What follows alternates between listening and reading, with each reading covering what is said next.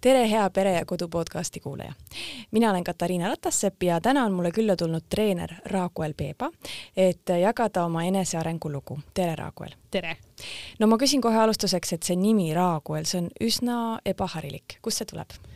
see nimi ise on väga levinud pigem Hispaania riikides, aga minu emal siis kuni minu sünnini või vahetult enne mu sündi ei olnud kindel, mis nime mulle panna ja otsustas siis ikka minna seda teed, et vaatame lapsele näkku, et mis nimi sealt tuleb. ja vahet, üks päev siis enne minu sündi nägi ta unes enda endist klassiõde ja head sõbrannat, kelle nimi on ka Raguel, kes siis ütles, et äh, kui sa paned talle minu nime, siis ta on üks õnnelik tüdruk ja sealt see tuli. no kas sa oled õnnelik? jaa, olen küll. nii, sa ise oled öelnud sotsiaalmeedias, et, et sinu lugu äh, on äh, lugu, kuidas ühest ülekaalulisest noorest emast sai poksi ja hiiditreener. just nii. milline su teekond siis on olnud? ootamatu. Äh, ma arvan, et kui, kui ma kaks tuhat kuusteist äh, lapsed sain, ma ei osanud mitte kunagi oodata, et ma olen viis aastat hiljem sellises kohas, nagu ma täna olen et see on täiesti, see kõik on hästi loogiline olnud, aga samas täiesti ootamatu ja ma olen sellele karussellile peale hüpanud suure jalavärina saatel, aga see on väga-väga äge teekond olnud. kuidas see siis alguse sai? Eh, kui sa lapsed said, ma saan aru, et siis, siis sa ei olnud võib-olla spordiga nii sina peal või? jaa, ei olnud, et äh, mul oli ikkagi siuke tüüpiline äh, kooliajast jäänud see, et kehalise kasvatuse tunnis ikka üritad seal võltsida seda tõendit ja ei taha päris osaleda ja kuskil huviringides ma ikka noh, kuskil võrkpalli natukene aasta aega, korvpalli, tantsimist, aga ükski asi ei jää mulle nagu külge. ja alati ma olin nagu kade nende peale, et kellel oli siis oma mingi spordiala, et minul ei tekkinud nagu ühegi asjaga siukest seost ja kui ma siis lapsed ära sain ja eks seal beebigruppides ikka tekib see käimisvõistlus ja keegi teeb trenni ja ja siis ikka vaatad nagu peeglisse, et eks see kaksikrasedus jätab ka natukene kehale teise mõju mm,. sul olid kaksikud siis jah? jah, kaksikud mm. -hmm. ja siis, siis kuidagi see, siis ma vaikselt hakkasin nagu sellega tegelema, aga ega ma ei teadnud, mida ma teen. et see oli täiesti kaootiline ületreenimine ja valesti treenimine. sa läksid siis jõusaali või? jaa, ma alustasin mm -hmm. jõusaalist ja mingid perioodid käisin ka rühmatreeningutes ja seal oli ikka see, et kohe kõik korraga väga valesti, et ma tegin tihtipeale kaks rühmatreeningut järjest. kas see on vale? ta ei ole vale, aga ma arvan, et ma koormasin üle ennast mm, -hmm. et äh, see on vastavalt sellele, kuidas su keha ikkagi suudab mm, -hmm. aga ma nüüd tagant vaada-, tagantjärgi vaadates ma saan aru, et ma ei oleks pidanud seda tegema. ja ma tegin seda täiesti valedel eesmärkidel et äh, ma ei nautinud seda, mu peas oli ainult see mõte, et mitu kalorit ma nüüd põletada suudan, et ma kaalust alla saaksin võtta.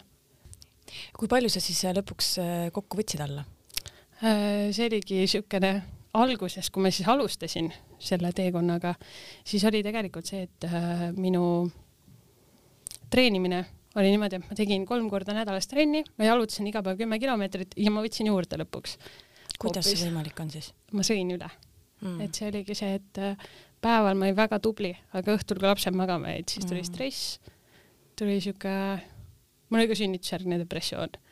et kõik need emotsioonid said võitu ja siis ma sõingi valimatult kõike, et äh, alguses ma võtsingi juurde, aga lõppkokkuvõttes peale operatsiooni oleme alla võtnud kolmkümmend neli kilo äkki. seda on päris palju. räägime kohe sellest operatsioonist ka, aga sa just mainisid sünnitusjärgset depressiooni. kuidas sa sellest üle said?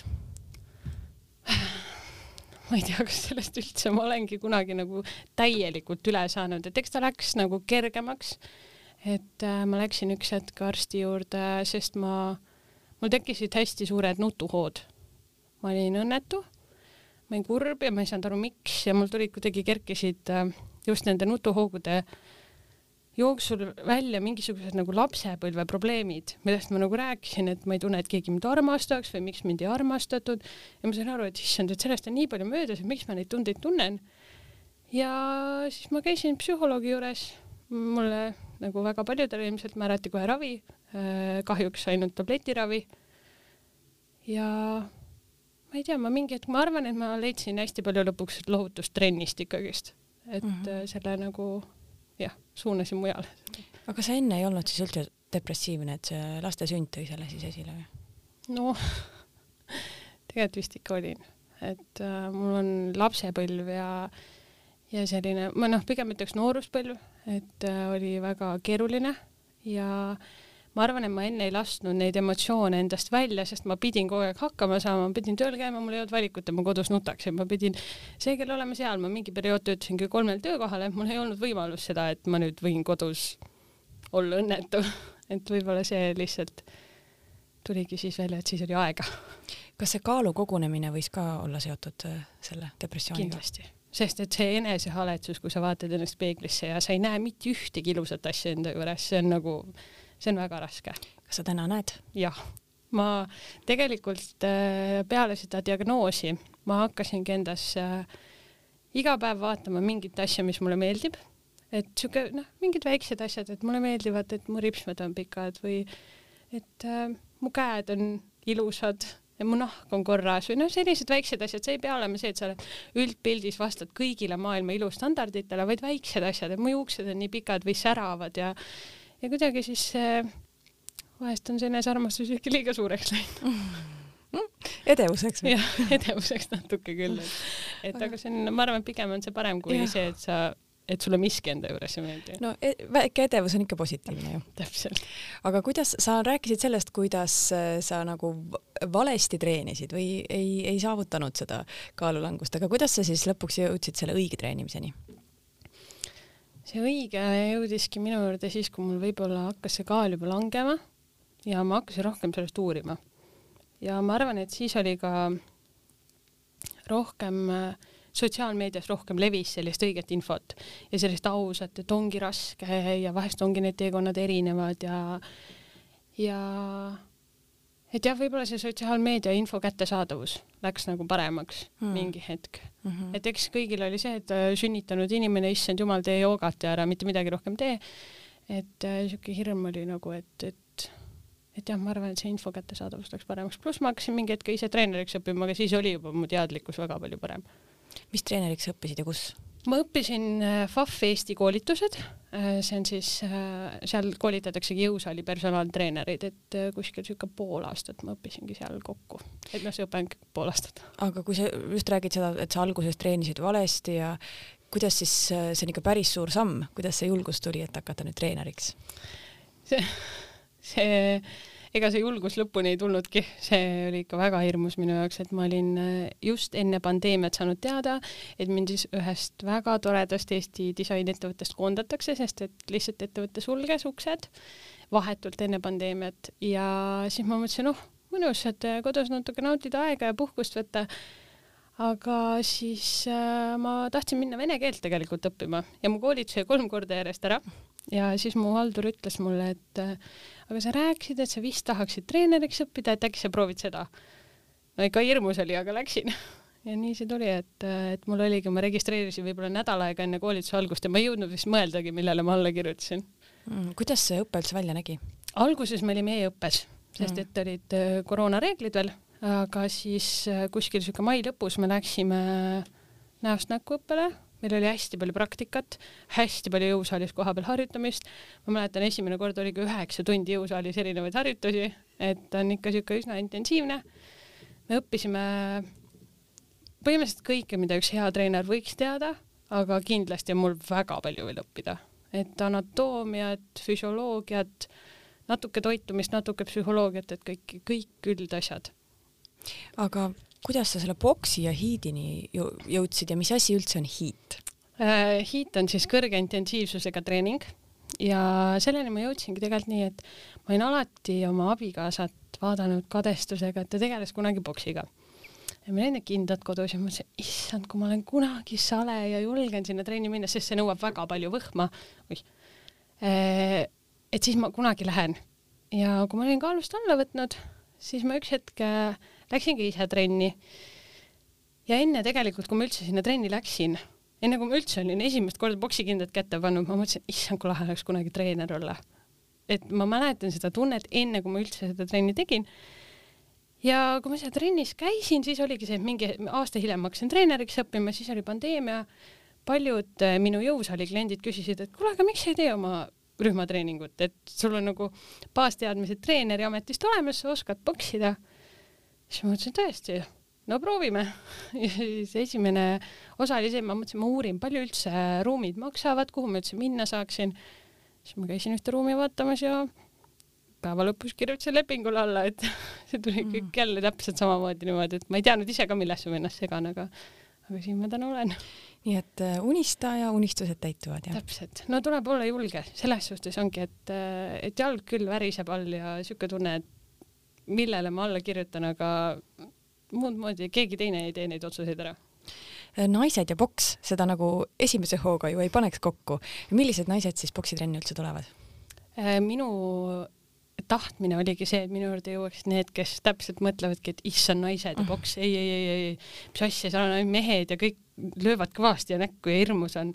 et äh, ma tahtsingi luua sellist õhkkonda, et see on niisugune naiselik, et, äh, et naistel on hea tulla, et nad tunnevad ennast äh, hästi, et nad ei tunne ennast kehvasti, kui nad ei jõua hüppenööriga kümme minutit järjest hüpata.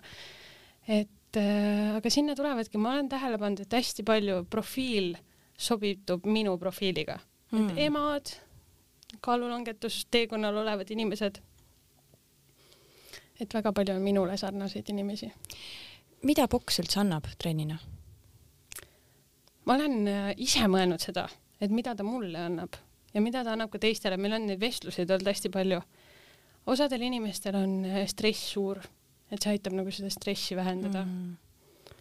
Äh, osadel on nagu minevik on sihuke keeruline, et neil on see kindlustunne, et nad oskaksid ennast kaitsta, kui vaja on. ja ma arvan, et see on hästi paljudel naistel nii. et see teadmine ja julgus, et kui keegi mulle midagi halba teeb, siis ma saan vastu hakata. Nii et on siis natukene teraapiline ka, jah? jah et äh, paljudes äh, trennides ma näengi seda, et see viimane hetk, kui kõik on juba väsinud, keegi enam väga kõvasti ei jõua lüüa, siis ma tuletan nendele nende eesmärki meelde, mõnikord mõnele ütlen, et mõtle, et see on su ekspeika, kelle pärast sa siin mhm. trennis üldse oled, oi kus need löögid lähevad tugevaks. aga mis ta nagu ähm, füüsisele annab? No tugevama keha, et äh, selles suhtes, et ta on ülakehale väga hea treening ikkagist ja võhma, võhma väga palju treenib, et me ka teeme sellega eeltööd, et oleks võhma, et poksida et hüppenööri, jooksu, kõiki neid asju, aga, aga minule tundub, et väga paljud teevadki seda just vaimse tervise nimel, et äh, see on väga kasulik paljudele mm.. no mina mõtlen küll es esimese hooga, et see on vist ikka väga raske trenn, et see minu jaoks ei ole. tead, meil mängib mega lõbus muusika taustaks, siuke kaasahaarav, osad seal laulavad, äh, palju väga tihti me oleme koti peal baaris, et üks hoiab ja teine teeb ja nad üksteist motiveerivad, ütlevad davai, davai, jõuad, jõuad, jõuad, et see on nagu sihuke sa unustad ära selle, kui raske see füüsiliselt on. Mm.. mis tunne see on, kui sa trenni lõpuks näed, et äh, inimesed on edasi liikunud, see trenn on neile midagi andnud? ma olen paar korda pidanud selja keerama ja ma tunnen, ma hakkan nutma mm., sest et, siis ma hakkan praegu ka nutma, sest et äh, see, kui sa näed, et keegi on jõudnud arengus sinna, kuhu nad on tahtnud ja seda tänu sinule, seda on, seda on nii raske kirjeldada, et äh, üks kõige sihuke äh, Äh, paremaid näiteid on võib-olla see, et kui sa näed inimene, kes trennis on hästi ebakindel, käib hästi lohvakate riietega, tuleb ükskord ümber särgiga trenni.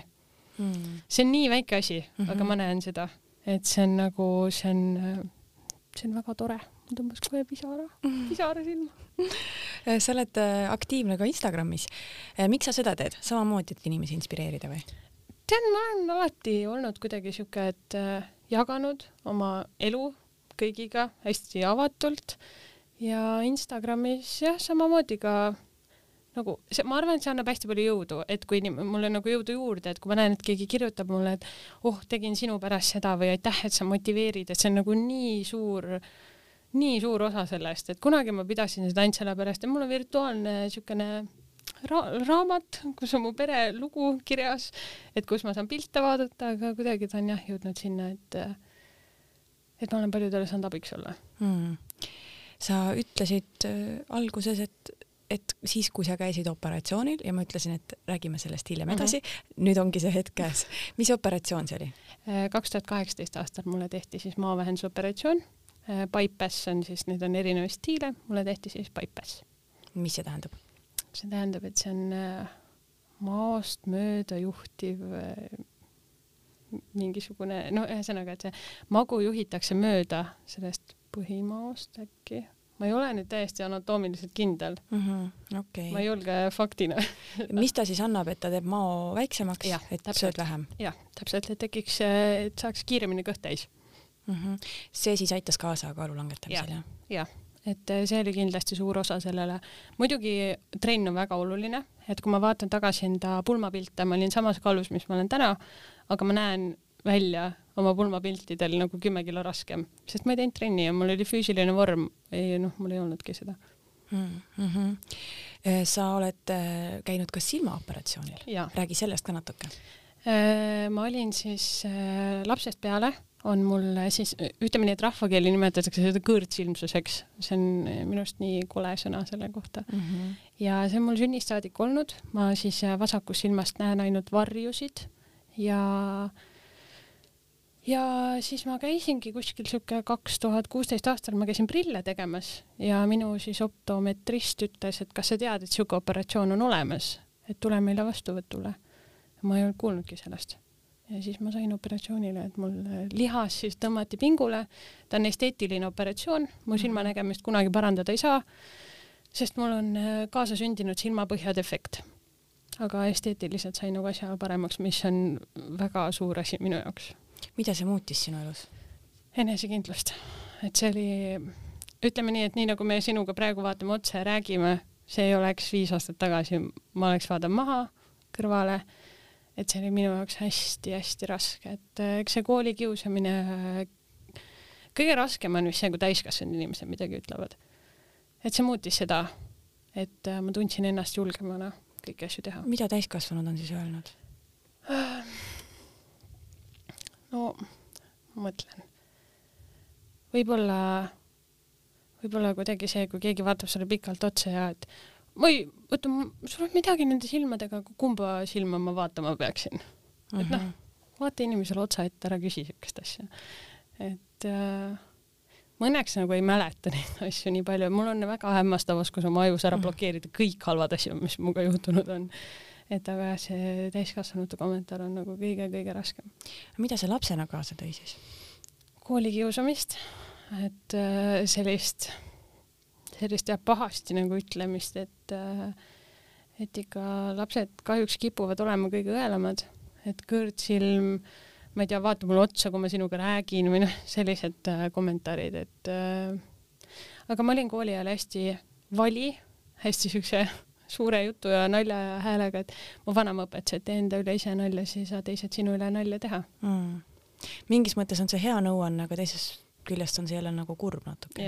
Ma, ma, ma loodan, et väga paljud noored ei pea seda täna tundma, et äh, seda mõtet ka jälgima, et see on, see on kahju, sest et koju sa lähed ja sul on ikka need kommentaarid hinges, olgugi et sa seal kooli koridoris võib-olla naerad ja ütled, et äh, ma ei tahagi sulle otsa vaadata mida sa mõtled või tunned täna neile kiusajatele tagasi mõeldes? ma olen nii palju nendega kokku puutunud, ma olen neid näinud, ma olen, kuna ma olen väiksest kohast pärit, siis seal üritustel ikka kuskil näed ja puutud kokku ja ja kui nad kirjutavad sulle, et äh, issand, sa oled nii tore ja sul läheb nii hästi, siis ma tahan nagu üks osa minust nagu tänab, teine osa minust mõtleb, et aga ma mäletan, mismoodi te mind kohtlesite, et äh, et kuidas ma neile täna mõtlen, eks me kõik oleme olnud noored ja rumalad, ega mina olen samamoodi olnud koolikiusaja, ilmselt ka kaitse nagu sellisest refleksist, et et teistele halvasti öelda, et ega me oleme kõik noored ja rumalad olnud, et aga lihtsalt ma arvan, et see tuleb kodusest kasvatusest ja ma loodan, et nad oma lapsi kasvatavad paremateks inimesteks, nagu ka mina üritan seda teha, et nendest koolikiusajad kunagi ei saaks mm. -hmm.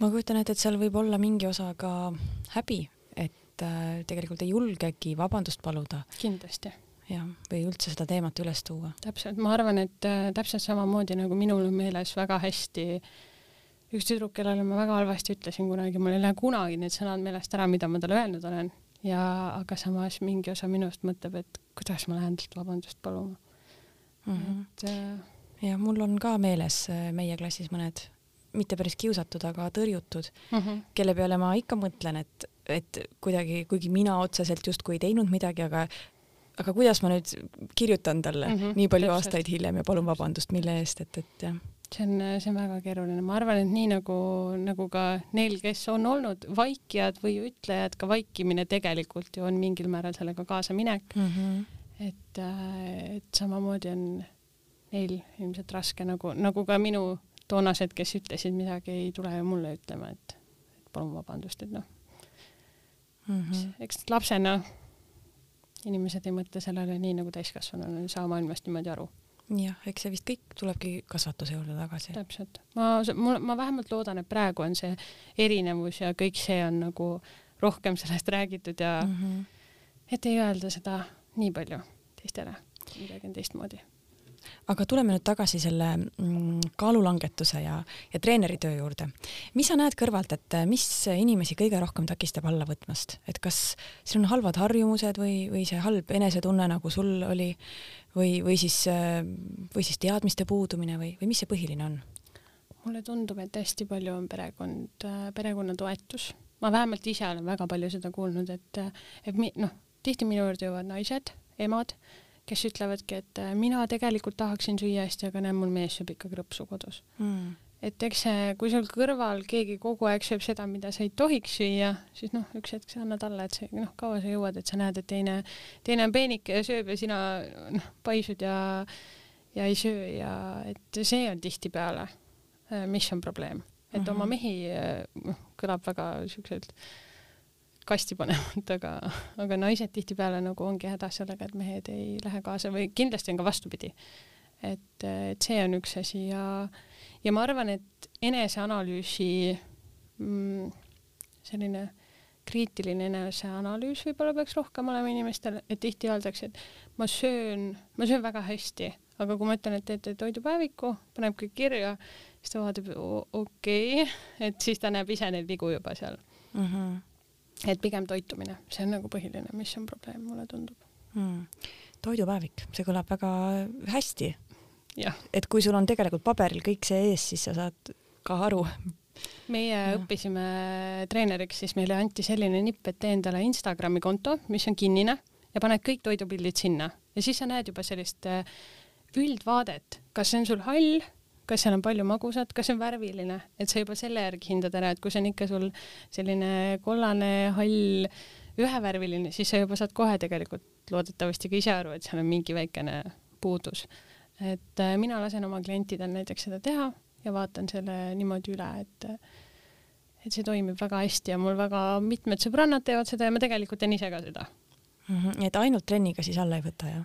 jah, ma ma, ma ei julge väita, et, et ei võta, kui sa väga palju trenni teed, et oluline on see, et sa tekitad endale kaloridefitsiidi, et sa kulutad rohkem, kui sa sisse sööd.